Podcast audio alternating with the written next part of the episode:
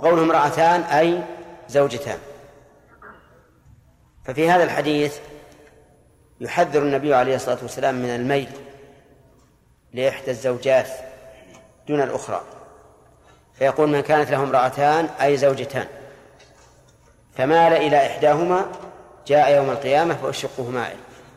وقوله مال يعني الميل الذي يلام عليه وليس الميل الذي لا يستطيعه. لقول الله تعالى ولن تستطيعوا أن تعدلوا بين النساء ولو حرصتم فلا تميلوا كل الميل فتذروها كالمعلقة. فقول مال إلى أحدهما أي ميلا إيش؟ يلام عليه أي ميلا يلام عليه. جاء يوم القيامة يعني جاء إلى المحشر محشر الناس وهو مائل الشق يفضح بذلك عند الخلائق. ففي هذا الحديث من الفوائد التحذير من الميل إلى إحدى النساء بقوله فمال إلى إحداهما. ومن فوائده وجوب العدل بين الزوجتين فأكثر. ووجه الوجوب الوعيد على تركه لأن من علامات الوجوب. الأمر كقم مثلا. وإذا توعد على ترك الشيء دل هذا على وجوبه لأنه لا وعيد إلا على فعل محرم. ومن فوائد ومن فوائد هذا الحديث إثبات البعث. لقوله جاء يوم القيامة جاء يوم القيامة. ومن فوائده أن الجزاء من جنس العمل لأنه لما مال عن العدل في الدنيا جاء يوم القيامة وشقه مائل جزاء وفاقا فإذا قال قائل بماذا يكون العدل؟ قلنا اختلف العلماء رحمهم الله في ذلك. فمنهم من قال إن العدل واجب في الواجب. واجب في الواجب. ومنهم من قال إنه واجب في الواجب والمستحب والمباح. فالذين قالوا إنه واجب في الواجب قالوا إنه يجب أن يعدل بين الزوجات في النفقة النفقة الواجبة. وما زاد على ذلك لا فلا يجب فيه العدل. فإذا أعطى كل واحد منهما كفايتها من مأكل ومشرب وملبس ومسكن فله أن يعطي الأخرى أكثر من ذلك. وبناء على هذا لو أنه أعطى كل واحدة منهما الواجب عليه من النفقة ثم أعطى إحداهما من الحلي والدراهم والأواني والفرش ما لا يعطي الثانية. فهو على هذا القول عادل وليس بآثم. وذلك لأنه قام بالواجب. وما زاد فنفل. والنفل فضل. ولا أحد يمنع الفضل. والقول الثاني في المسألة أن العدل واجب في الواجب والمستحب والمباح.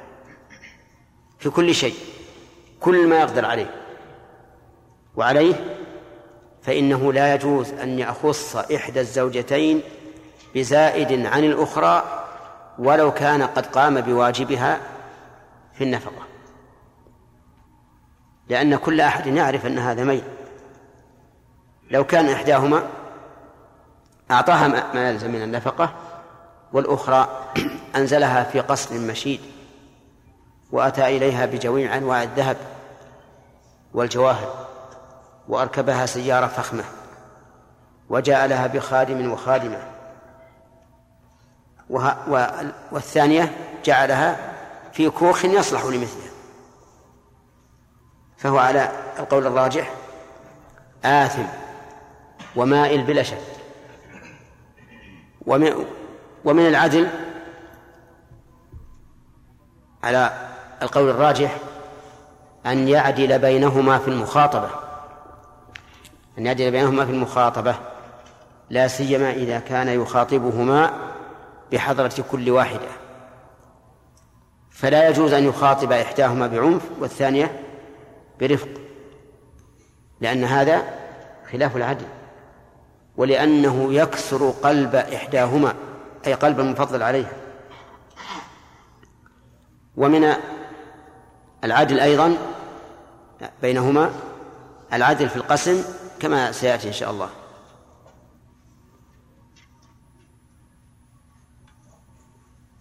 فإن قال قائل إذا كانت إحداهما ثخينة وطويلة والأخرى بالعكس. ثوب الأخيرة بعشرة. وثوب الأولى؟ ها؟ بعشرين. لا لا خمسين فرق بعيد. بعشرين. هل يلزمه أن يعطي الأولى ذات الثوب القصير ما زاد على ثوبها؟ لا. بل لو أعطاها كان جائرا. ولهذا لو قالت له الصغيرة الجسم لو قالت له أنت اشتريت لفلانة ثوبا بخمسين واشتريت لي ثوبا بثلاثين فأريد منك كم؟ عشرين. ماذا يقول لها؟ يقول كوني مثلها وأعطيك مثله أليس هذا هو العدل؟ هذا هو العدل. طيب. إذن العدل في الكفاية ما يكفي كل كل واحدة. وفيما زاد عليها على الكفاية يعطي كل واحدة مثل ما يعطي الأخرى كالدراهم والأواني وشبهها. أما الثياب فمعروف أنها كل أن كل واحد منهما على قدرها. ومن فوائد هذا الحديث أن عدم العدل بين الزوجات من كبائر الذنوب. ما هو الدليل؟ أن عليه وعيدا في الآخرة. وكل ذنب فيه وعيد في الآخرة فإنه من كبائر الذنوب. ثم قال وعن أنس بن مالك رضي الله عنه قال من السنة إذا تزوج الرجل البكر على الثيب أقام عندها سبعا ثم قسم وإذا تزوج الثيب أقام عندها ثلاثا ثم قسم متفق عليه واللفظ للبخاري. عن أنس قال من السنة. سنة من؟ سنة النبي صلى الله عليه وسلم. فإذا قال الصحابي من السنة فإنه يريد سنة الرسول صلى الله عليه وسلم لأن الصحابي لا يقول من السنة إلا في مقام الاستدلال على الحكم. ولا دليل ولا دليل في الأحكام إلا من إلا قول الرسول صلى الله عليه وسلم. وسنة الرسول صلى الله عليه وسلم. طيب فإن قال من السنة تابعي. إذا قال من التابعي من السنة فهل يراد بذلك سنة الرسول صلى الله عليه وسلم أو سنة الخليفة الذي في عهده أو ماذا؟ في ذلك قولان لأهل العلم. فمنهم من قال إن المراد بقول التابعي من السنة يعني سنة النبي صلى الله عليه وسلم. وعلى هذا القول يكون الحديث مرسلا. مرسلا. لماذا؟ لأن التابعية لم يدرك النبي صلى الله عليه وسلم إنما أدرك الصحابة. ومنهم من قال بل إذا قال التابعي من السنة فيعني بذلك سنة من أدركه من الخلفاء. وعلى هذا فيكون هذا هذا موقوفا. والخلاصة أنه إذا قال الصحابي من السنة فالمراد بها سنة النبي صلى الله عليه وسلم فيكون له حكم الرفع. يكون له حكم الرفع. وإذا قال التابعي من السنة فللعلماء في ذلك قولان أحدهما أنه مرفوع حكما كقول الصحابي وعلى هذا يكون هذا الحديث مرسلا لسقوط الصحابي منه. ومنهم من قال بل المراد بالسنة سنة الخليفة الذي كان في في عهده. وعلى هذا فيكون موقوفا. واضح؟ طيب لكن إذن هل يكون حجة؟ نقول إذا قلنا إنه في حكم الرفع. لم يكن حجة لعدم اتصال السند. وإذا قلنا إنه موقوف فإن قلنا إن قول الصحابي حجة فهو حجة. وإن قلنا إنه ليس بحجة فليس بحجة. والحديث الذي معنا من السنة القائل هو الصحابي أنس ويقول أبو قلابة لو شئت لقلت إن أنس رفعه أي رفعه رفعا صريحا. وقول من السنة المراد بالسنة هنا الطريقة وليس المراد بالسنة ما يقابل الواجب. لأن هذا المعنى أعني أن السنة ما يقابل الواجب إنما هو اصطلاح للأصوليين متأخر. أما إذا قال الصحابة من السنة فإنه يشمل الواجب والمستحب. وإذا كان كذلك فلننظر هل هذا القسم الابتدائي واجب أو سنة. سيأتينا إن شاء الله أنه واجب. نعم. إذا تزوج الرجل البكر على الثيب أقام عندها سبعا. طيب. تزوج بكرا على ثيب. وإن تزوج بكرا على بكر. نعم. كذلك لا يمكن. يمكن يعقد على امرأة ولا يدخل عليها وهي بكر. ثم يبقى عندها في البيت يتردد عليها لكن لا يجامعها. ثم يتزوج أخرى. فيكون تزوج بكرا على بكر. والظاهر أن الحكم واحد. وأن قول رسول الله صلى الله عليه وسلم إذا تزوج البكر الثيب من باب الأغلب من باب الأغلب. ولهذا قال أحدكم إنه لا يتصور أن يتزوج بكرا على بكر. وهذا يدل على أن هذه مسألة نادرة وهو كذلك. إذا تزوج البكر على الثيب أقام عندها سبعا. لماذا لم يقل سبعة؟ لأن سبعا لليالي. وسبعة للأيام. والعمدة في القسم بين الزوجات هي الليالي. إلا لمن معيشته في الليل كالحارس فالعمدة النهار. نعم. وإذا تزوج الثيب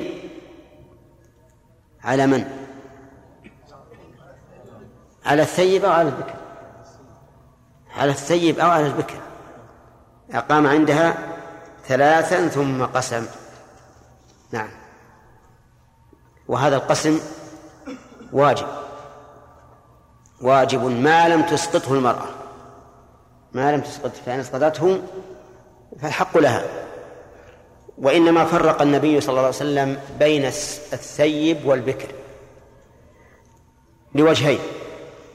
الوجه الأول أن رغبة الإنسان بالبكر أقوى من رغبته بالثيب. فجعل له النبي عليه الصلاة والسلام مهلة أوسع ليتمتع بها ويقضي نهمته منها بخلاف الثيب فهي دون ذلك. الثاني أن هذا أرأف بالمرأة. لماذا؟ لأن البكر عادة تستوحش. تخجل. فتحتاج إلى تمرين وإلى مدة أكثر حتى تستأنس بالرجل وتميل إليه. وهذا هو الغالب في الأبكار. وإن كان من الأبكار من عنده من السعة وعدم الخجل أكثر مما عند الثيب. لكن الغالب أن البكر تكون ذات خجل وتحتاج إلى من يؤنسها ويطيل البقاء عندها. فلهذا جعل النبي عليه الصلاة والسلام لها سبعا. طيب سبع ليال. إذا دخل في الليل واضح سبع ليال. ينتهي القسم في آخر اليوم السابع.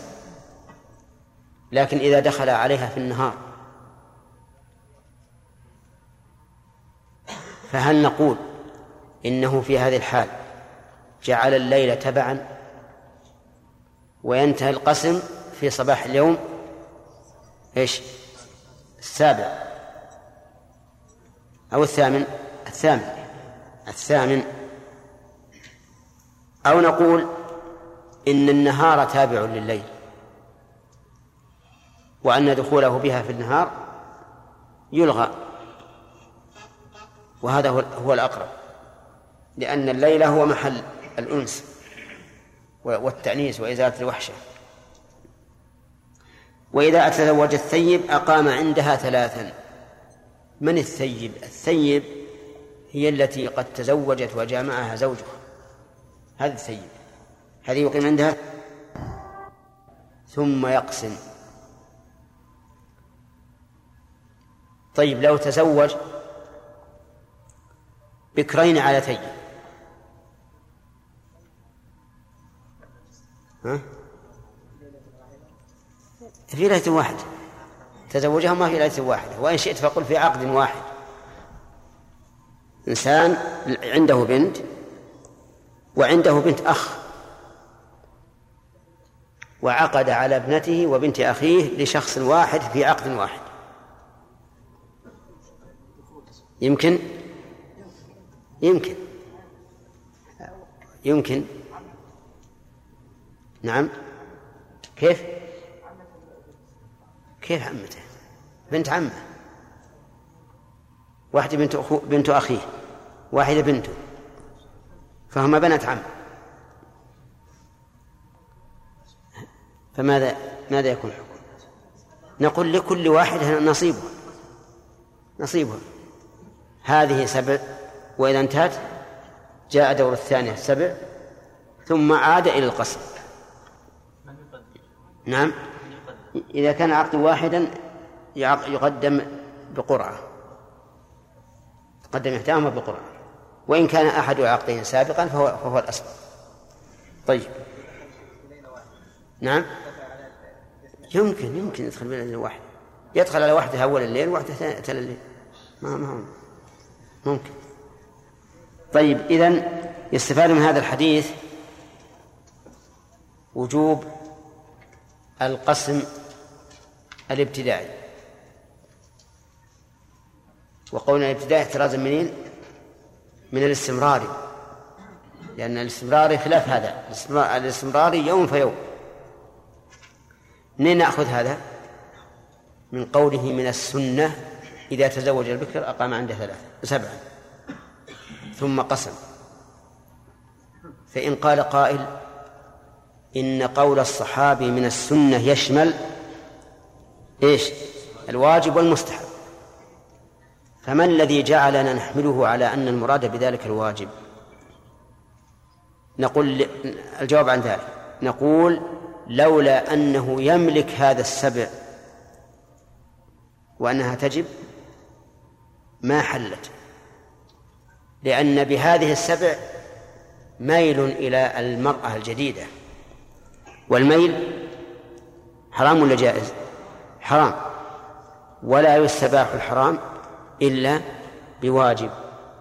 تبارك ولا هذا الإرادة بيرد على أي إنسان. يقول من السنة صالح للوجوب والاستحباب. فما الذي جعلك تحمل على الوجوب؟ نقول لأن هذا القسم يستلزم لو كان غير واجب ها الميل إلى الجديدة. والميل محرم ولا ينتهك المحرم إلا بواجب. ولهذا قال العلماء إن الختان واجب واستدل بأنه لا يمكن أن ينتهك الآدمي ويقطع شيء من من أعضائه أو من جلده إلا لواجب لأن العدوان عليه على هذا الوجه حرام ولا يستباح الحرام إلا بواجب. طيب من فوائد هذا الحديث؟ نعم. التفريق بين البكر والثيب. وهو, وهو ظاهر. ومن فوائدها من فوائد هذا الحديث أن الأوصاف لها تأثير في الحكم. بحيث ينزل كل إنسان منزلته. وجه ذلك أن الرسول عليه الصلاة والسلام فرق بين البكر والثيب فأعطى للبكر سبعا وأعطى للثيب ثلاثا. فإن قال قائل لماذا لم يجعل للبكر أكثر من ذلك؟ نقول لما في هذا من الإضرار على الأخريات والبعد عنهن والبعد عنهن ربما يحمله على الجفاء. وسبعة الأيام هي أيام إيش؟ أيام الأسبوع. أيام الأسبوع. وبها يطيب قلبه وتنتهي نهمته. فإن قال قائل لماذا لم يجعل خمسة أيام مثلا؟ نقول لأن ما نقص عن السبعة قد لا تحصل به كمال العشرة. فلهذا جعل النبي عليه الصلاة والسلام المدة أسبوعا كاملا لتمر أيام الدنيا كلها. أو لتمر أيام الدنيا كلها سبعة أيام. طيب من فائدة هذا الحديث؟ أن من تميز على غيره بوصف أعطي ما يقتضيه ذلك الوصف ولا يعد هذا من الجور وهذا يظهر بالمثال. لو كان لك أولاد فإن من المعلوم أنه يجب عليك العدل بينهم في العطية. أليس هكذا يا قليل فإذا كان أحدهم متميزا بطلب علم أو بكثرة أولاد أو ما أشبه ذلك فلك أن تفضله عليهم. مراعاة لإيش؟ للوصف المستحق لهذا.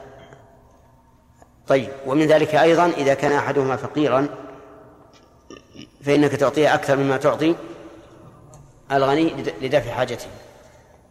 نعم.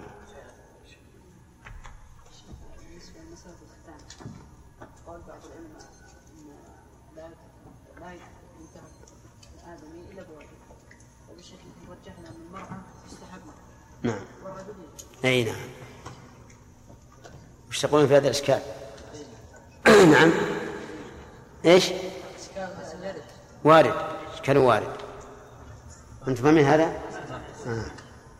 يقول ان ان أنت إننا ذكرنا أن الختان واجب وعللنا ذلك بأن فيه انتهاكا لمحرم ولا ينتهك المحرم الا إلا بواجب فلماذا لا تقولون بالوجوب في حق المرأة؟ في حق المرأة. لأن المرأة تقول إنها سنة مع أن فيه مع أن فيه انتهاك للحرمة.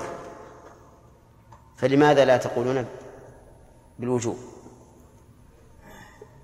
جوابنا عن هذا أن نقول أما من قال بوجوبه على الأنثى فإن هذا الإراد غير وارد لأن الباب واحد. وأما من قال بعدم وجوبها على الأنثى فيقول إن العلة المستنبطة قد يعارضها علة أقوى منها. وذلك أن الفرق بين المرأة والرجل في والمرأة الأنثى والذكر في مسألة الختان ظاهر لأن الرجل إذا لم يختن احتقن البول فيما بين الجلدة والحشفة. وحصل في ذلك مفسدة مفسدة في النجاسة. يعني إذا كان هكذا واحتقن البول فبمجرد ما يضغط على حتى ثوبه لو ضغط على رأس الذكر لبرز البول أما الأنثى فليس الأمر كذلك في حقها. نعم. إيش؟ تزوج على الاولى عقد عليها ولم يدخل بها يذهب اليها يوميا يجلس معها يحتري بها ساعه وساعه لا هذا هذا يرجع للعرف إن كان مما جرى به العرف فليس بحيف. نعم. إيش؟ ها. يقول تزوج امرأة على على جديدة على قديمة. عقد عليها لكن لم يدخل. ولكنه يذهب إليها أي إلى الجديدة كل يوم. نعم. فهل يجب القسم؟ يقول لا القسم هنا لا يجب. أما كونه يذهب أو لا يذهب فهذا يرجع إلى العادة والعرف. هذا أظن خمس خمسين شيء مكتوب عليه؟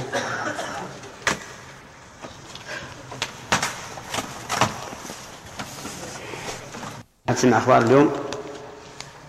فإن بغت إحداهما على الأخرى. نعم. آله وأصحابه ومن تبعهم بإحسان إلى يوم الدين. ما حكم ميل الرجل إلى إحدى الزوجتين؟ من كبائر الذنوب. دليل؟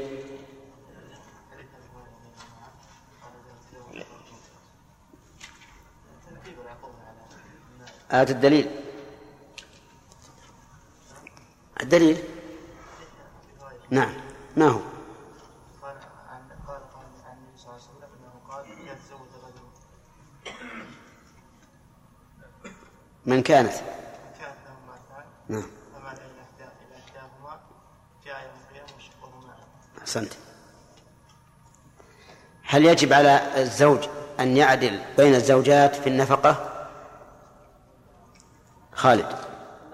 نعم. يجب. وفي غيرها فيما زاد عليها؟ في خلاف. والصحيح؟ نعم. أن واجب حتى في الواجب والمستحب والمباح. تمام. طيب.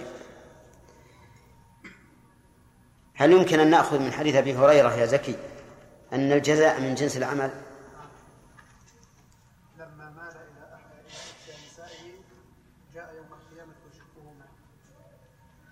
فدل هذا على أن الجزاء من جنس العمل. طيب. هل لهذا شاهد من القرآن؟ ها. الله عز وجل جزاء نعم. قال تعالى هل جزاء الإحسان إلا الإحسان أحسن طيب. القسم الابتدائي يا موسى. هل هو على حد سواء بين البكر والثيب أو في التفصيل؟ نعم ها.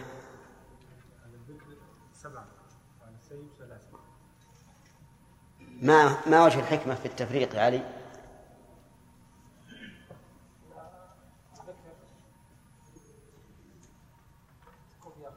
نعم. وحشة من الزوج. ها؟ طيب. فمد لها الشارع الأجل. بخلاف الثيب وجه آخر عمر. كيف؟ أرغب للبكر يا شيخ. الرجل يكون راغبا في البكر أكثر من رغبته في السيد نعم. فجعله الشارع نعم. أحسنت. إذا روعي في ذلك جانب المرأة وجانب وجانب الرجل. تمام. ثم قال المؤلف عن أم سلمة رضي الله عنها أن النبي صلى الله عليه وسلم لما تزوجها أقام عندها ثلاثا وقال إنه ليس بك هوان على أهلك. ليس بك على أهلك هوان. إن شئت سبعت لك وإن سبعت لك سبعت لنساء رواه مسلم. أم سلمة تزوجها النبي عليه الصلاة والسلام بعد موت أبي سلمة. وقصتها مشهورة في أنها رضي الله عنها لما توفي زوجها وكان ابن عمها ومن أحب الناس إليها قالت ما أرشد إليه النبي صلى الله عليه وسلم إنا لله وإنا إليه راجعون اللهم أجرني في مصيبتي وأخلف لي خيرا منها. وكانت تقول في نفسها من خير من أبي سلمة. لا تريد بهذا استبعاد ما أخبر به النبي صلى الله صلى الله عليه وسلم لكنها تجول في فكرها. من خير منه أبو بكر عمر عثمان فلان فلان. نعم. فجاء من هو خير من أبي سلمة وهو النبي صلى الله عليه وسلم فخطبها وكانت ثيبا كسائر نسائه. كل نساء نساء النبي عليه الصلاة والسلام ثيبات إلا واحدة فقط وهي عائشة رضي الله عنها. فتزوجها وأقام عندها ثلاثا لأنها ثيب والسنة إذا تزوج الثيب أن يقيم عندها ثلاثا ثم يقسم. ثم قال لها إنه ليس بك على أهلك هوان. على أهلك يريد نفسه عليه الصلاة والسلام. وهوان يعني يعني هونا. و و ورخصا. بل أنت عندهم عزيزة غالية. فإذا قسمت بعد الثلاث فليس هذا عن هوان علي ولكن لأن هذا هو الحق. ثم قال إن شئت سبعت لك وإن سبعت لك سبعت لنسائي إن شئت سبعت لك أي جعلت لك سبعا وإن سبعت لك سبعت لنسائي جعلت لهن سبعا.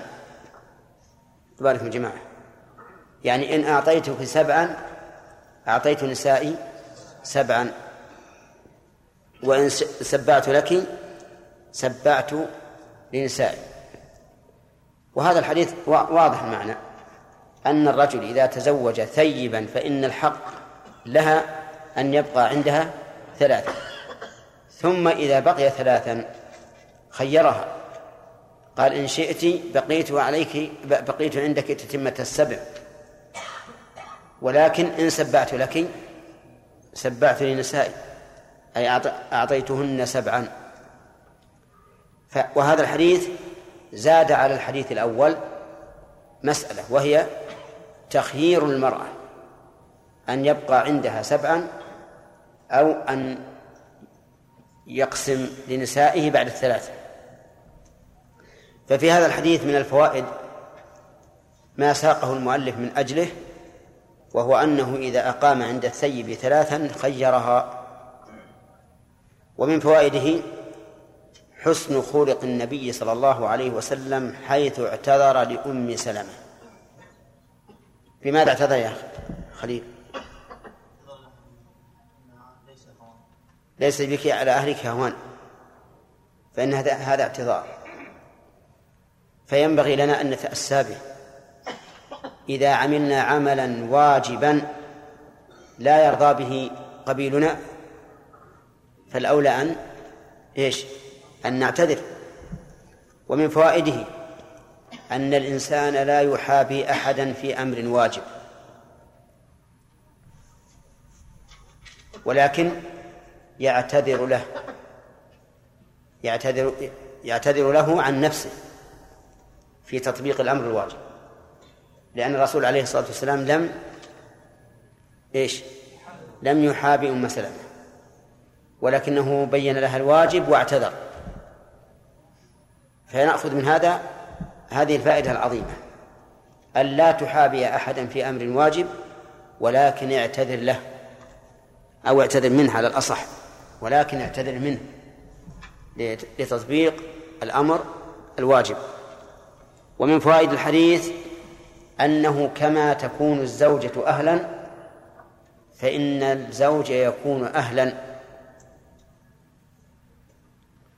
والدليل على أن زوجها أهلا تكون أهلا؟ قوله سبحانه وتعالى فأسر بأهلك بقطع من الليل ولا تفتكم من أحد إلا امرأتك. فالزوجة من الأهل لا شك. وكذلك الزوج أهل لزوجته. ومن فوائد هذا الحديث أنه إذا اختارت الثيب أن يتمم لها سبعة أيام فليسبع لنسائه. فإذا قدرنا أن عنده ثلاث نسوة وتزوج الرابعة واختارت أن يسبع لها فمتى يرجع إليها؟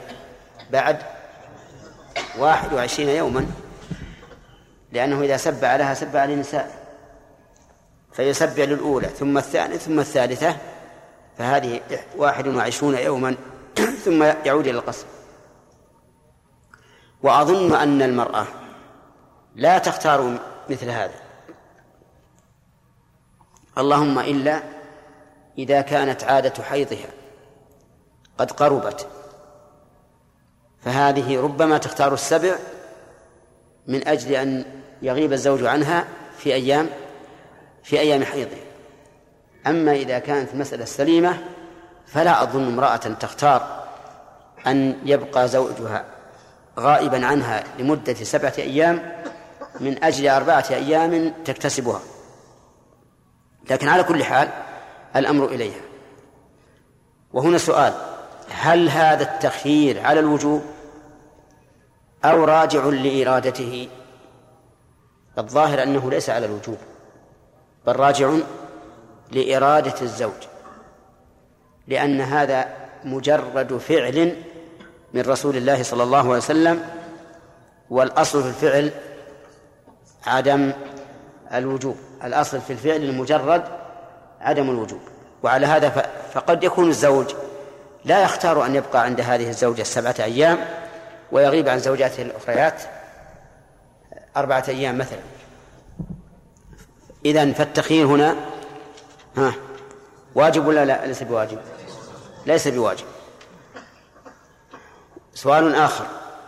إذا قال قائل في تمديد المدة إلى سبعة أيام إضرار على النساء الأخريات فهل يحتاج إلى مشاورتهن بأن يقول لهن أنتن لكن القسم من الليلة الرابعة ولكن هل تأذن أن أبقى عندها سبعا ويكون ابتداء القسم من الليلة؟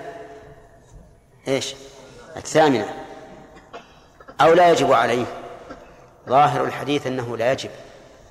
ولكن هذا النقص أو الهضم من حق النساء جبر. بماذا جبر؟ بأن أعطينا سبعا كاملة. وإلا فمقتضى بادي الرأي مقتضى بادي الرأي أنه إذا سبع لها ربع لنسائه أنتم معي؟ ليش؟ لأن ثلاثة أيام من حقها ولكن جبر عدم استئذانهن وبقاؤه عندها سبعة أيام بزيادة أربعة أيام عن الواجب جبر هذا بإيش؟ بزيادة حصتهن بأن جعل لكل واحدة سبعة أيام. وهذا من العدل. لأنه قد يقول قائل لماذا يسبع لنسائه وهو لم يزد الأول لم يزد الجديدة إلا إلا أربعة أيام؟ أفلا يكون مقتضى العدل أن أن يجعل للأخريات أربعة أيام؟ نقول هذا هو العدل في بادي في بادي الرأي. لكن عند التأمل يتبين أن العدل ما قاله الرسول عليه الصلاة والسلام كيف؟ لأنه لما هضمهن بعض الحق في تطويل المدة مدة الغيبة عنهن جبر ذلك إيش؟ بزيادة القضاء لهن حيث جعل لهن على سبعة أيام الخلاصة خلاصة الحديثين أن من تزوج بكرا على ثيب أقام عندها سبعا ومن تزوج ثيبا على بكر أو على ثيب أقام عندها ثلاثا. وأن له أن يخيرها بإيش؟ بأن يسبع لها ويسبع لنسائه. وإلا وإلا اقتصرت على الثلاث. وفي هذا الحديث من الفوائد إخبار الإنسان بالأمر الواقع. لأنه قال إن سبعت لك سبعت لنسائي فأخبرها بالصراحة. ولم يجعل الأرض الأمر عائما بل بين ووضح. وهكذا ينبغي الإنسان في جميع أموره أن يكون بينا صريحا. ألم تعلموا أن الرسول صلى الله عليه وسلم قال في البيعين؟ إيش؟ إن صدقا وبينا بورك لهما في بيعهما. وإن كذب وكتم محقت بركة بيعهما. ثم قال وعن عائشة أن سودة بنت زمعة وهبت يومها لعائشة وكان النبي صلى الله عليه وسلم يقسم لعائشة يومها ويوم سودة. سودة بنت زمعة من كبريات نساء النبي صلى الله عليه وسلم. وقيل إن النبي صلى الله عليه وسلم تزوجها بعد خديجة. فهي زوجته الثانية. وقيل بل تزوج عائشة بعد خديجة لكنه لم يدخل بها إلا في المدينة. فتكون زوجة فتكون سودة هي الزوجة الثالثة. لكنها هي رضي الله عنها من كبريات النساء. لما رأت أنها كبرت سن سنها فكرت في عقلها الراسخ الكبير أن تتنازل عن حقها من القسم وأن يكون تنازلها لأحب نسائه إليه. فوهبته لعائشة وهبته لعائشة رضي الله عنها. فكان النبي صلى الله عليه وسلم يقسم لعائشة يومها ويوم سودة أن يكون لعائشة يومان ولبقية النساء على يوم. كم يغيب عن عائشة؟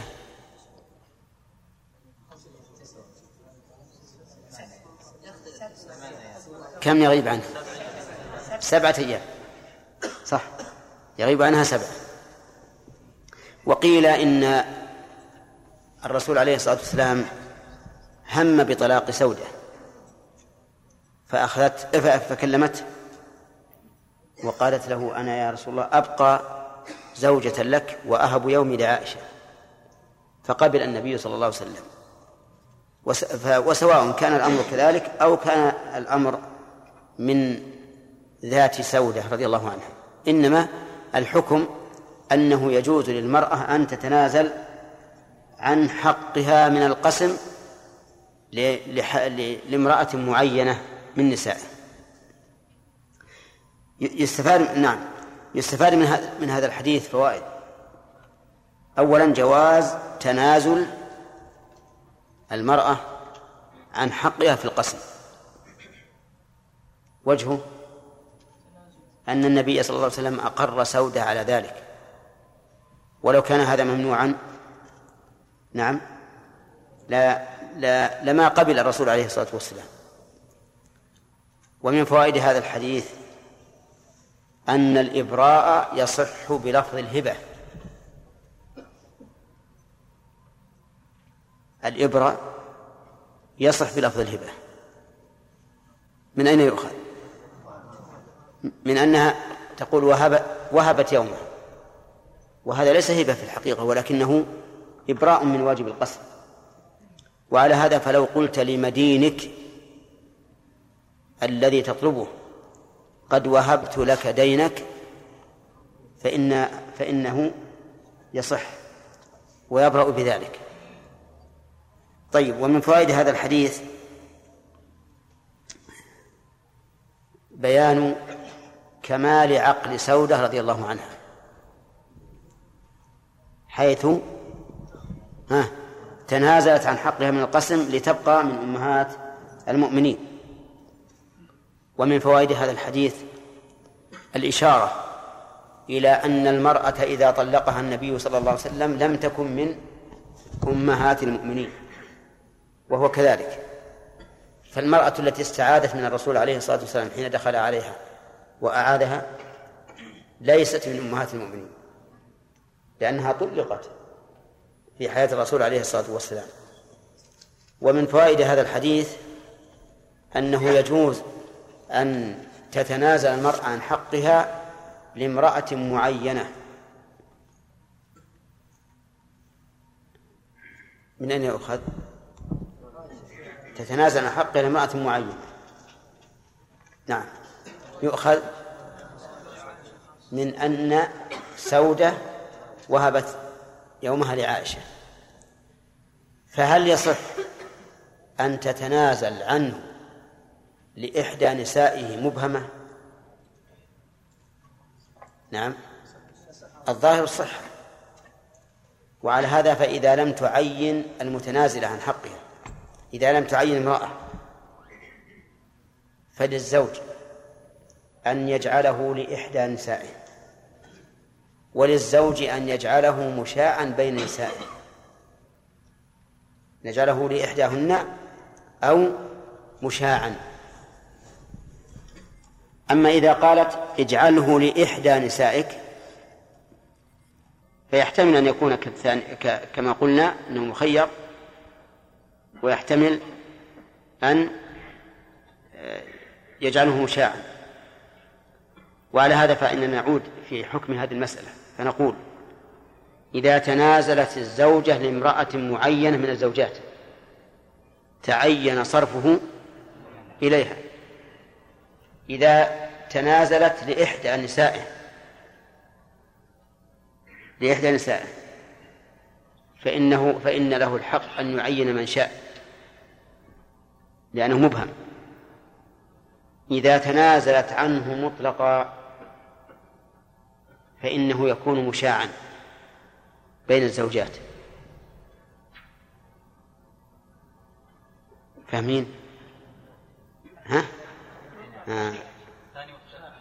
طيب الأول واضح قالت زوجته هند وهبت نفس آه، يومي لضرة زينب واضح؟ طيب يكون لزينب ولا يجوز أن يعديه إلى غيرها قالت زوجته هند وهبت يومي لإحدى نسائك.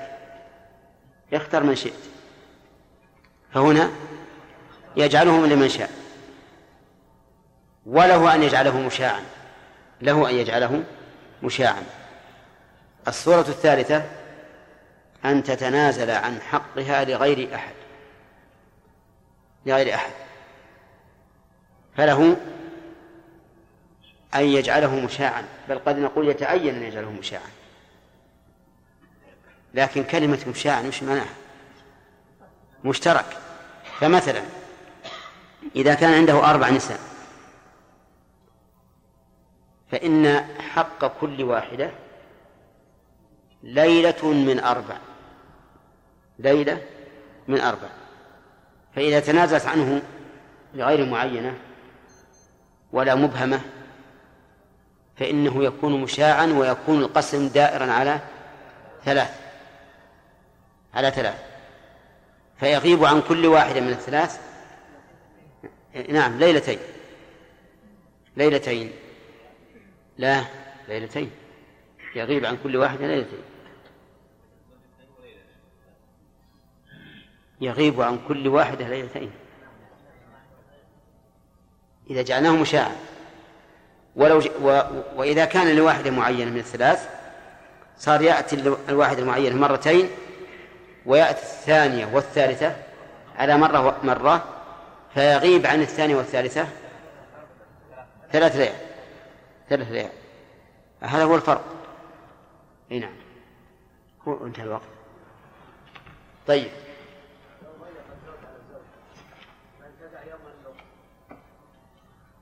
ها؟ وش تقولون يا جماعة. ها؟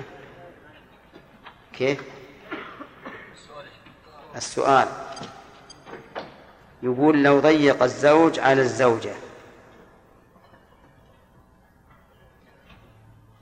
وقال لها إما أن أطلقك أو تهبي يومك لضرتك. يجوز ولا لا؟ يجوز. لأن الحق له أن يطلق.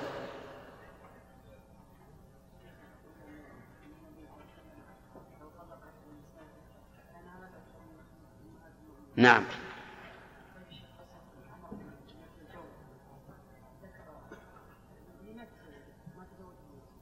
ما إيش؟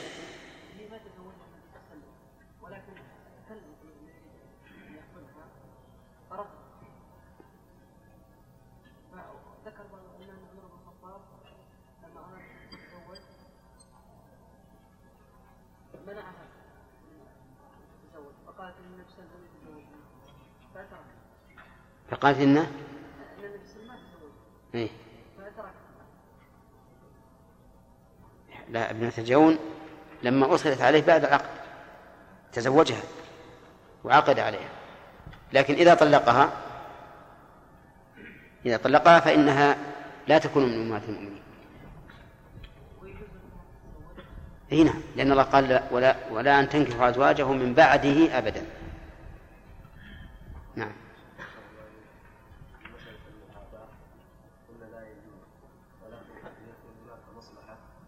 مثال ذلك يعني يكون مثلا بعض الدعاة إلى الله عز وجل يتحابون أن هذا الرئيس يكون يكون يكون ظالم هذا الرئيس فيحابونه في أمور تتنازل عن شريعة الله عز وجل لأن هناك يكون في مصلحة في محاباة هذا الرجل الظالم. هل نقول نعم بجواز ذلك؟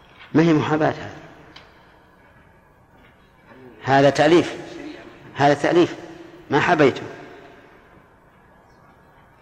المحاباة قضية أن الإنسان مثلا يسبع للمرأة أو يعطيها أكثر من حقها على حساب الغير. نعم فهد.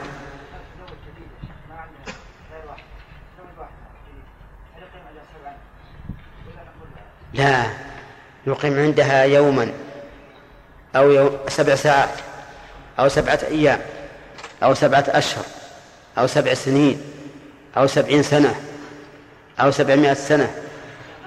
نعم. ما له حد لا لا. إذا تزوج البكر على الثيب. تزوج البكر على الثيب. نعم يا آدم.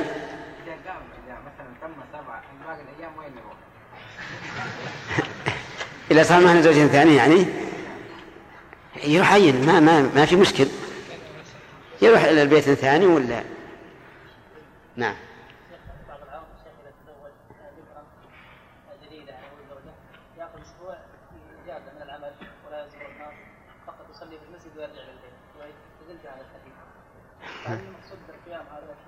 لا لا. شوف أقام عندها ثم قسم. ما قال ثم خرج للسوق؟ هذه الإقامة باعتبار القسم. نعم. لكن بعض الناس بعض المتزوجين يقول إنه إذا تزوج أول ليلة تسقط عنه صلاة الفجر إما مطلقة وإما مع الجماعة. نعم. ويستدل بقول الفقهاء يعذر بترك الجماعة والجمعة رجل تجلى إليه الزوجة العروسة. والذي قاله الفقهاء غير عادتنا نحن. الذي قاله الفقهاء كان عادتهم إن الزوجة تجي لبيت زوجها. فهو ينتظرها في البيت قالوا فيعذر لأنه لا يروح يصلي. نعم. انشغل انشغل قلبه في في هذه المرأة. يقول ربما جاءوا إلى البيت ولا وجدوني مشكلة. أما عادة الناس اليوم فليس كذلك. لا صحيح لا. الصحيح, الصحيح. الله أكبر الله أكبر الله ومن تبعهم بإحسان إلى يوم الدين. ما تقول يا علي في رجل تزوج امرأة ثيبا على امرأة سابقة؟ كم يقسم للثيب؟ ثلاثا. وكم يقسم لو كانت بكرا؟ لماذا كان الفرق بينهما نعم. الأولى. علتين تقول الأولى مؤنث. نعم.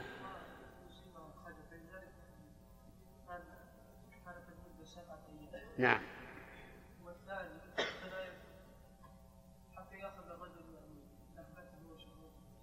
أحسن. لأن رغبته في البكر أكثر من رغبته في الثيب. طيب. لماذا خصت بسبعة أيام؟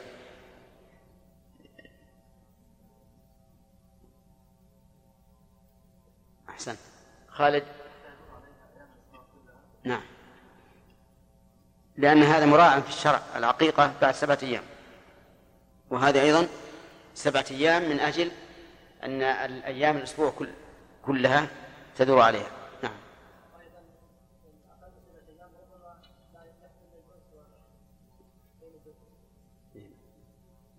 على كل حال هذه علة لا بأس بها لكن ربما يحصل الأنس بأقل وربما لا يحصل الأنس بسبعة أيضا. طيب لكن إذا مرت عليها أيام الس... أيام السنة كلها بالحقيقة. ها؟ نعم. أقول هذه فيها نظر. يعني هي لو ذكرت في الشرح فيها نظر يعني. الراجحة الأولى لأنه لأنه لا أكثر من أن تمر بها أيام الأسبوع كله. طيب. هل من السنة أن يخيرها الزوج إذا أقام ثلاثا؟ نعم. نعم وش ماذا يقول له؟ نعم. إي نعم. يقول هكذا. لماذا يا عبد الرحمن بن إبراهيم إذا سبع لها سبع لنسائه لماذا لا يربع لنسائه لأن ثلاث لأن ثلاث من حقها. نعم. نعم.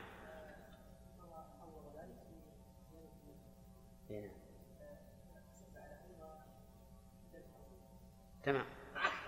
لأنه إذا سب عليها سيأخذ من حق الأخرى نعم.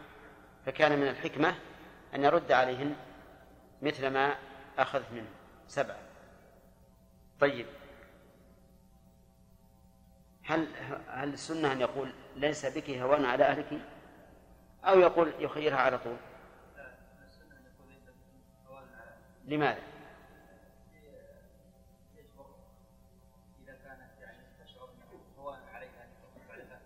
نعم.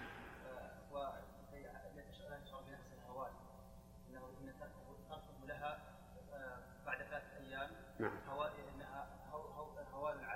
تمام. لئلا تشعر بأن ذلك هوان هوان عليها فيطيب قلبها بهذا. لماذا وهب السودة يومها لعائشة؟ خالد؟ لأن النبي صلى الله عليه وسلم هم بطلاقها. وما فائدة بقائها وليس لها يوم. نعم. تكون من أمهات المؤمنين ولتكون من زوجاته في الآخرة. لأنه لو فارقها ما صارت زوجة له في الآخرة ففيها فهي لاحظت فائدتين. الفائدة الأولى أن تبقى من أمهات المؤمنين والفائدة الثانية أن تكون من زوجاته في الآخرة في درجته عليه الصلاة والسلام. طيب. ما رأيك لو تنازلت امرأة عن قسمها للزوج لا لامرأة أخرى؟ أيجوز أم لا؟ للزوج. قالت ما أبي ما أبي لك يوم أنت مسامح. ها؟ قالت إحدى زوجاته هذا رجل أربع زوجات فقالت إحداهن أنا قد عفوت لك عن القصد. لا أريد منك أن تجعل لي يوم هل يجوز أو لا بد أن تتنازل لامرأة معينة؟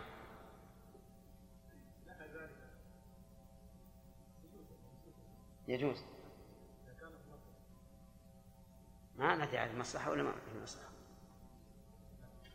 المهم هل يجوز التنازل لغير امرأة معينة أو لا؟ هذا السؤال. يجوز. زوجة قال لا تنازلت لامرأة معينة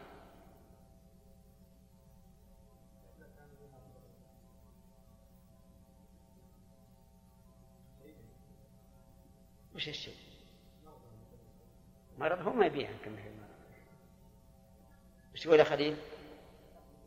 يجوز علل لماذا يجوز؟ من حقها فإذا أسقطته فلا حرج. طيب إذا أسقطت هل يبقى مشاعا بين الزوجات؟ عبد المنان نعم. إن عينت أحدا نعم. فلمن عينته؟ وإن لم تعين؟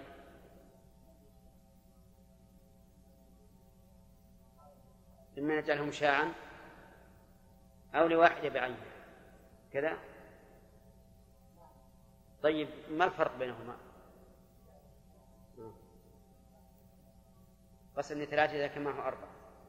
وإن جعله لواحدة. زاد على إحداهن واحدة. وقسم من أربعة. صح؟ طيب. هل يشترط لهبة المرأة يومها للزوج أو لأخرى معينة؟ هل يشترط القبول؟ الجاج لا يشترط القبول. هي قبل الزوج. لا يشترط. خالد.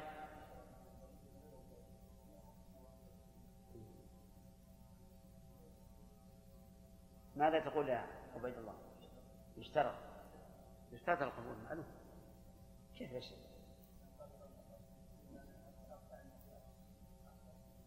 إذا قال لا قبول أنا أبي يوم اللي عندك عندك لي, أبى أقسم يقول لا. كل امرأة ما تبي زوجها تقول وهبتك يوم. وفك من شرك. على كل حال لابد من القبول. لابد من القبول. طيب. أظن ما كملنا البحث في في حديث عائشة عن سودة لو أنها رجعت نكمل بالسؤال ما لو أنها رجعت عن هبتها. محمد. أي نعم. لو رجعت عن هبتها هل لها أن ترجع وتطالب الزوج بالقسم أو نقول وهبت وقبل وانتهى.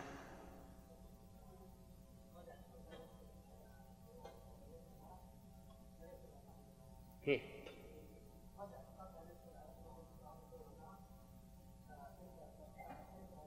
هي هي هي مثل وهبت وبعد نصف شهر رجعت لها ذلك. كيف وهي هبة مقبولة؟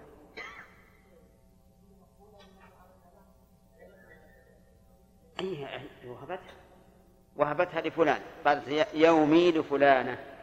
وبعد مضي شهر نصف شهر قالت رجعت. ها؟ طيب إذا رجعت هل يقضي لها ما ما سبق؟ ما تقول في جوابه؟ صحيح؟ صحيح ما تكلمنا عليه أنا أقول أنا ما أقول نتكلم لكن الحمد لله هل لها أن ترجع أو لا؟ وإذا قلنا لها أن ترجع فهل تطالب بما قضاه للمرأة الأخرى أو لا؟ نقول لها أن ترجع لها أن ترجع ووجه ذلك أنها هبة لم تقبض لأن الأيام المستقبلة ما قبضت. ولهذا نقول إذا رجعت فإنها لا تطالبه فيما مضى لأنه قد قبض. قد قبض وأخذت المرأة. المرأة الأخرى. طيب. إلا أني أرى أنه إذا وقع هذا عن صلح فإنه يكون لازما. كيف عن صلح؟ يعني أن الزوج تنازع هو وزوجته. وقال لها إما أن تبقي عندي بلا قسم تبقين عند أولادك بلا قسم وهذا يقع كثيرا وإما أن نطلقك أنا لا أستطيع أن أقسم لك. فإما أن تبقي بلا قسم وإما أن أطلقك فاصطلح على أن تبقى بلا قسم. فهنا ليس لها أن ترجع. لأن هذا لأن هذا ليس هبة مجردة. هذا ليس هبة مجردة بل هو معاوضة. معاوضة بصلح. عن إيش؟ عن بقائها. عن بقائها معه. فإذا وقع ذلك عن مصالحة فليس لها أن ترجع لأنه يكون معاوضة. قال الله تعالى وإن امرأة خافت من بعدها نشوزا أو إعراضا فلا جناح عليهما أن يصلحا بينهما صلحا. وظاهر الآية الكريمة أنه أن الصلح هذا يقع إيش؟ يقع لازما.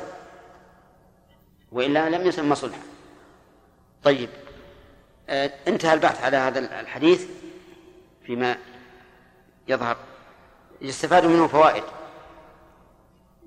ما أخذناها أظن. أخذناها. كم أخذنا؟ اقرأ عليهم.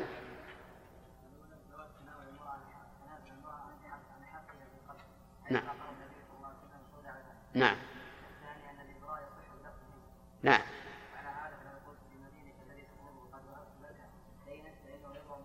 نعم. نعم. الرابع إشارة إلى أن المرأة إذا طلقها النبي إلى أن المرأة إذا طلقها النبي صلى الله عليه وسلم لم تكن من نعم ولم تكن زوجة له في الآخرة.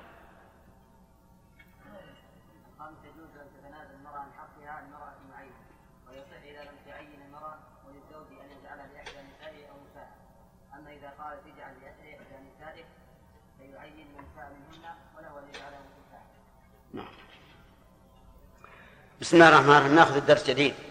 قال قال المؤلف رحمه الله فيما نقله عن عروة. عندي قال رضي الله عنه.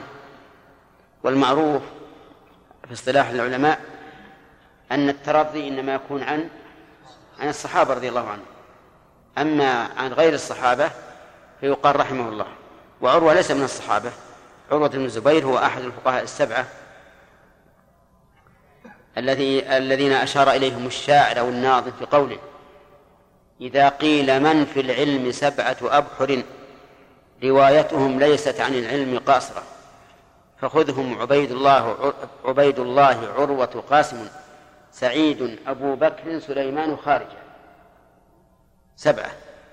من التابعين اشتهروا بالفقه وأطلق عليهم لقب الفقهاء السبعة.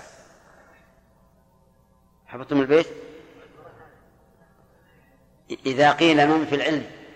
سبعة أبحر روايتهم ليست عن العلم خارجة. قصر فخذهم. عبيد الله. عروة قاسم. سعيد أبو بكر سليمان خارجة وهؤلاء مذكورون في ألفية العراقي في المصطلح. وشرح على خلاف فيما فيما على خلاف بين العلماء في في في تعيين هؤلاء السبعة لكن أكثرهم متفق عليه.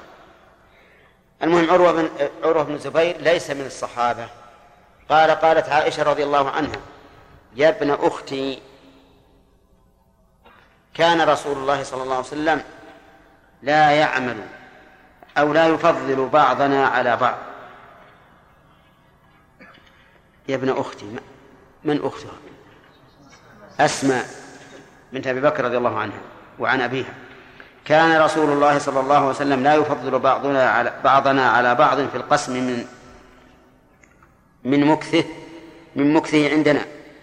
وكان قل يوم إلا وهو يطوف علينا جميعا. فيدنو من كل امرأة من غير مسيس حتى يبلغ التي هو في التي هو يومها. فيبيت عندها رواه أحمد وأبو داود واللفظ له. وصححه الحاكم. ولمسلم عن عائشة رضي الله عنها قالت كان رسول الله صلى الله عليه وسلم إذا صلى العصر دار على نسائه ثم يدنو منهن الحديث. تقول عائشة رضي الله عنها فيما روت من حال النبي صلى الله عليه وسلم في معاملته لزوجاته أنه كان لا يفضل بعضهن على بعض في القسم من المكث. وسبق لنا هل القسم واجب عليه أو ليس بواجب ولكنه لكمال خلقه؟ ألزم نفسه بذلك على قولين لأهل العلم. قالت وقل يوم وكأن قل يوم إلا وهو يطوف علينا جميعا فيدنو من كل امرأة من غير مسيس. كل يوم عليه الصلاة والسلام يزور نساءه بعد صلاة العصر. وإنما كان يزورهن من أجل إبقاء المودة بينهن لأنه لو لم يزر واحدة منهن إلا في يومها لغاب عنها كم؟ ثمانية أيام أو سبعة بعد قسم سو... بعد هبة سودة يومها لعائشة. وهذا قد يحدث, يحدث جفوة بينهن وبين النبي صلى الله عليه وسلم. هذه واحدة. وثانيا أن وجود النبي صلى الله عليه وسلم عندهن يحصل به فائدة شرعية من تعليم أو تذكير أو ما أشبه ذلك. وثالثا أن النبي صلى الله عليه وسلم يريد أن ينفعهن بقربه منهن. فإن من الكسب العظيم أن يكون النبي صلى الله عليه وسلم في بيت امرأة منهن. فلأجل هذه العلل الثلاث أو الحكم الثلاث كان النبي صلى الله عليه وسلم لا يدعهن كل يوم بعد صلاة العصر. ولكنها تقول من غير مسيس يعني من غير جماع ولكنه يدنو فيقبل ويلمس وما أشبه ذلك. أما الجماع فلا. حتى يبلغ التي هو يومها فيبيت عندها تكون البيتوتة عند من لها اليوم. فيبيت عند عند عائشة بعد هبة سودة كم؟ ليلتين. يبيت ليلتين. ويدور عليهن كل يوم. ففي هذا الحديث من الفوائد حسن خلق النبي صلى الله عليه وسلم ومعاملته لأهله. وقد قال عليه الصلاة والسلام حاثا أمته على أن يكونوا لأهلهم خيرا. قال خيركم خيركم لأهله وأنا خيركم لأهلي. ومن تدبر سيرته في معاملة أهله وجد أن أن هذا منطبق تماما على حاله. ومن فوائد هذا الحديث أنه ينبغي للإنسان أن يقتدي برسول الله صلى الله عليه وسلم في هذا بحيث يكون مع أهله لينا هينا أليفا لا يبعد عنهم ولا يطيل ولا يطيل البعد. ومن فوائدها من فوائد هذا الحديث أنه يجوز لمن له عدة زوجات أن يمر عليهن كل يوم وأن ذلك لا يعد جورا في القسم. من أين يؤخذ؟ من فعل النبي صلى الله عليه وسلم. لأننا نعلم أن الرسول عليه الصلاة والسلام أقوم الناس عدلا. ومع ذلك كان يدور على النساء ومنها أنه كلما قرب الإنسان من أهله ازداد ازدادت المودة بينهم والإلفة. وهذا أمر مشاهد. وكلما بعد فإنها قد تحصل الجفوة. ومن فوائد هذا الحديث أنه لا يجامع المرأة التي ليس في يومها. لقولها إيش؟ من غير مسيس. وكما قلنا إن المسيس هو الجماع. ومن فوائد هذا الحديث أن عماد القصد المبيت يعني الليل. لقولها حتى يبلغ التي هو يومها فيبيت عندها وهو كذلك. فإن عماد فإن عماد القسم الليل قال العلماء رحمهم الله ويستثنى من ذلك ما إذا كان ما, ما إذا كان معاش الرجل في الليل فإنه يكون عماده النهار. مثل من عماده الليل؟ معاش الليل. كالحارس مثلا حارس وكالجنود الآن فإنهم يكونون بالنوبات وأحيانا تكون نوبة الجندي تكون في الليل. ومنها أن الرسول عليه الصلاة والسلام على كثرة مشاغله وأنه إمام الأمة وسلطانها وحاكمها لا لا لا يهمل حق أهله حيث يدور على تسع نسوة. أو ثمان نسوة في كل يوم. وهذا لا شك أنه مما يجعله الله سبحانه وتعالى من البركة في عمر الإنسان. فإن كثيرا من الناس يضيع عليه الوقت وإذا حاسب نفسه عند النوم وجد أنه لم يعمل شيئا. وبعض الناس يبارك الله له في في يومه وفي عمره. فإذا حاسب نفسه عند النوم وجد أنه عمل عمل وعمل. فإذا قيل ما هو ما هو السبيل الذي يجعل أوقاتنا مباركة؟ قلنا ذكر الله. ودليل ذلك قول الله تعالى ولا تطع من أغفلنا قلبه عن ذكرنا واتبع هواه. وكان أمره فرطا فالإنسان إذا أعرض عن ذكر الله واتبع هواه نزع الله البركة من عمره والعياذ بالله. لكنه إذا كان دائما متعلقا بربه سبحانه وتعالى دائما يذكر الله بقلبه إن لم يذكره بلسانه ذكره بقلبه. إن لم يذكره بجوارحه ذكره بقلبه. فهذا هو الذي يبارك الله له في عمره. وليعلم أن الإنسان يمكن أن يحول كل أفعاله ذكرا لله. بأن لا يتكلم إلا وهو يحتسب أجره على الله. ولا يكف عن شيء إلا يحتسب أجره على الله. ولا يعمل شيء إلا يحتسب به الأجر على الله.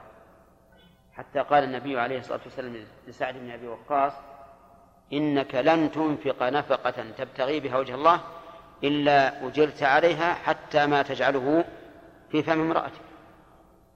وأخبر عليه الصلاة والسلام أن أن الرجل إذا أنفق على نفسه فهو صدقة. فالموفق وأسأل الله يجعلني وإياكم منهم يستطيع أن يحول من العادات والشهوات إيش عبادات وحينئذ يكون ذاكرا لله. فإذا أردت أن يبارك الله لك في عمرك وفي وفي زمنك فعليك بذكر الله. عليك بذكر الله. الذين يذكرون الله قياما وقعودا وعلى جنوب ولا شك أن أن رسول الله صلوات الله وسلامه عليه أشد الناس ذكرا لله وأكثرهم ذكرا لله. ولهذا بارك الله له في عمره وفي عمله في قوله وفي فعله. نعم. يقول ولمسلم عن عائشة رضي الله عنها قالت كان رسول الله صلى الله عليه وسلم إذا صلى العصر دار على نسائه ثم يدعو منهن الحديث الحديث بالنصب. يعني أكمل الحديث فهو مفعول لفعل محذوف تقديره أكمل أو اقرأ. طيب. ثم قال وعن عائشة رضي الله عنها أن رسول الله صلى الله عليه وسلم كان يسأل في مرضه الذي مات فيه أين أنا غدا يريد يوم عائشة؟ فأذن له أزواج فأذن له أزواجه. يكون حيث شاء فكان في بيت عائشة متفق عليه. وصدقت رضي الله عنها لأن نعلم من عدل النبي صلى الله عليه وسلم الذي ألزمه الله به أو ألزم به نفسه أنه لن يكون عند عائشة وحدها دون رضا زوجاته.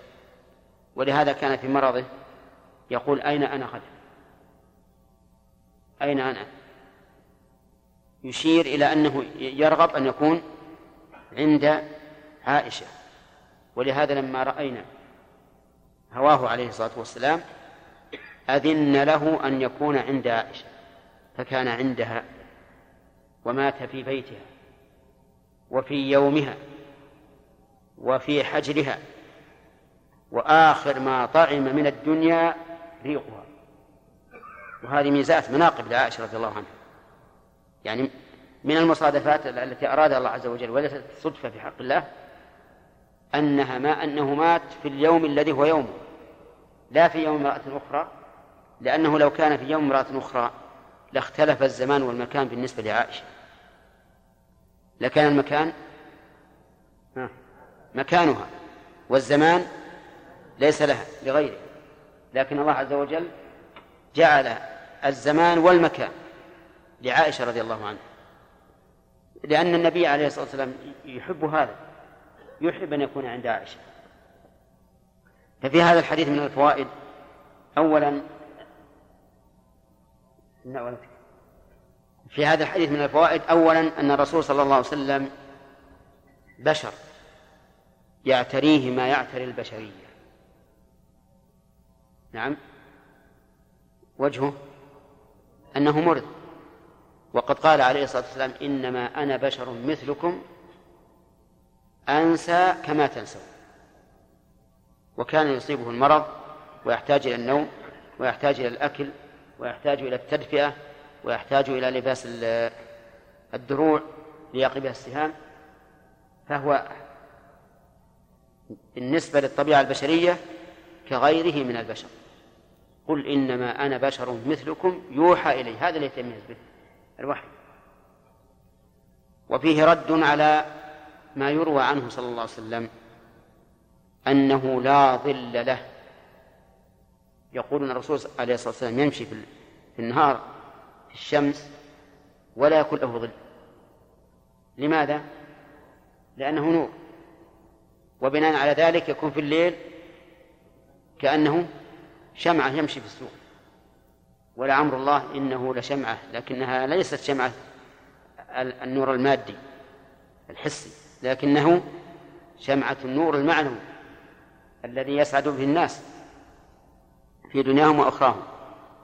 فهذا الحديث الذي يروى حديث ضعيف بل باطل لأن النبي صلى الله عليه وسلم كغيره من البشر جسم جسمه كثيف يحجب النور وليس وليس جسمه مادة نور بل جسمه كسائر الأجسام ومن فوائد هذا الحديث أن النبي صلى الله عليه وسلم مات موتا حقيقيا لقولها مرضه الذي مات فيه. وهذا نص القرآن. إنك ميت وإنهم ميتون. وما جعلنا لبشر من قبلك الخلد. أفإن مت فهم الخالدون. وما محمد إلا رسول قد خلت من قبله الرسل.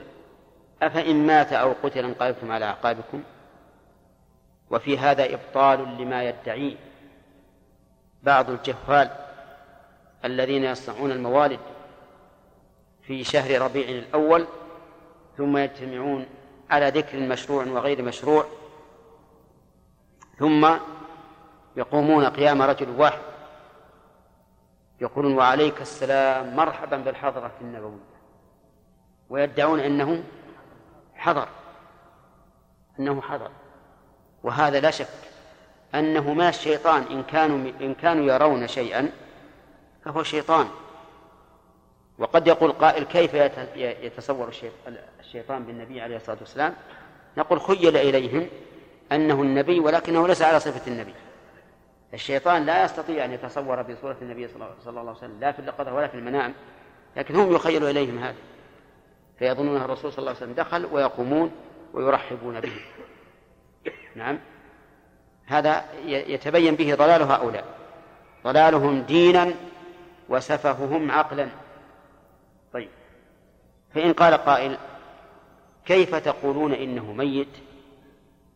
والشهداء أحياء عند ربهم يرزقون. والأنبياء أعلى مقاما من الشهداء. ورسول الله صلى الله عليه وسلم في قمة المقام بالنسبة للأنبياء. فالجواب أن نقول إن الحياة حياتان. حياة دنيوية مادية فهذه فقدت بموت النبي صلى الله عليه وسلم وغيره ممن مات. وحياة برزخية غير معلومة لنا. وهي تخالف الحياة الدنيا بلا شك. هي مجهولة لكن نعلم أنها تخالفها لا يحتاج فيها الإنسان إلى أكل ولا شرب ولا نوم ولا غيره مما يحتاجه الأحياء في الدنيا.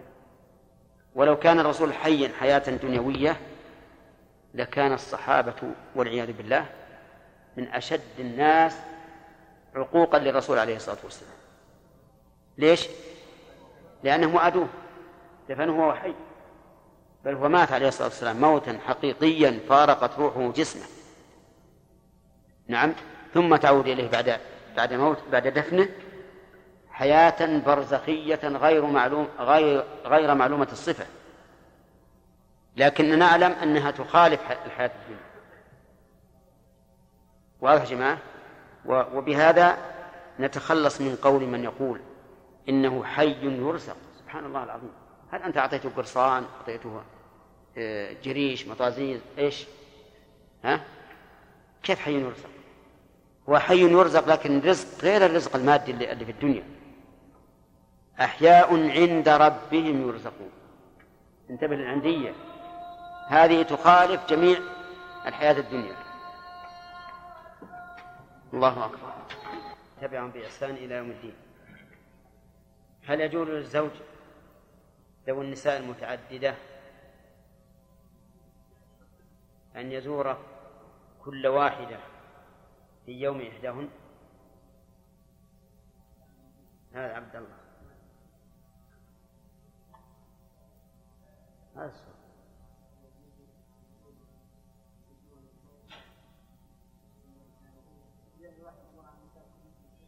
نعم. ما الدليل؟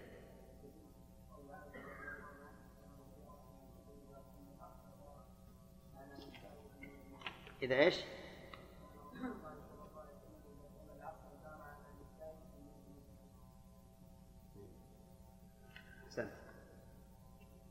هل يجوز في هذه الحال أن نجامع؟ الأخ الدليل؟ نعم. الرحمن نعود إلى المناقشة. ما الذي يفيده سؤال النبي صلى الله عليه وسلم في مرض موته أين أنا غدا؟ محبة عائشة. وغير؟ ها؟ لا. ها. تمام. كمال عدله في قسمه بين النساء. وإلا لقال رحلوني إلى بيت عائشة وانتهى الأمر. طيب. يستفاد من الحديث؟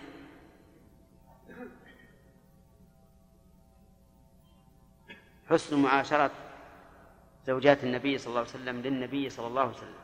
سليم.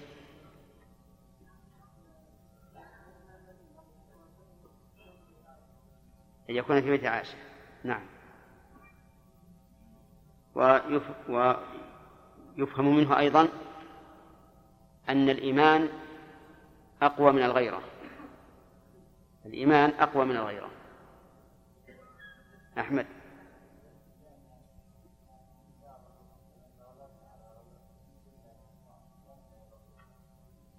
تمام.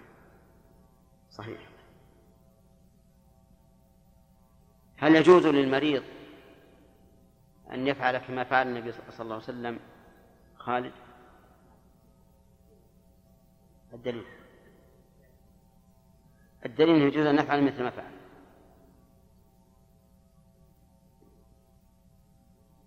هل هناك دليل على أننا نتأسى به؟ لو قال قائل هذا من خصائصه. ها؟ هل هناك دليل على التأسي به؟ وأن الأصل التأسي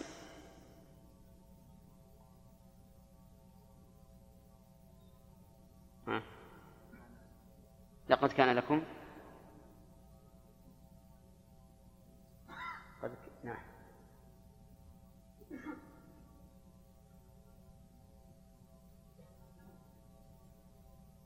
هل موت الرسول عليه الصلاة والسلام حقيقة أو لا؟ عبد الله. حقيقة؟ الدليل.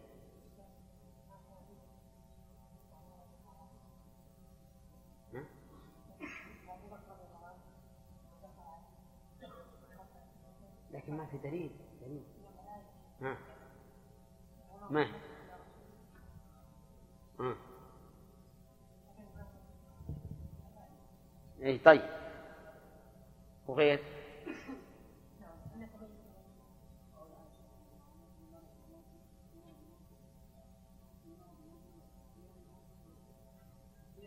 في مرضه الذي مات فيه طيب. وغير؟ نعم. إنك ميت وأنهم ميتون طيب. لو قال قائل هل الشهداء أفضل أم الأنبياء؟ يا خالد. هل الشهداء أفضل أو الأنبياء؟ كيف تقول إن الرسول مات والشهداء يقول الله عز وجل أحياء عند ربهم يرزقون؟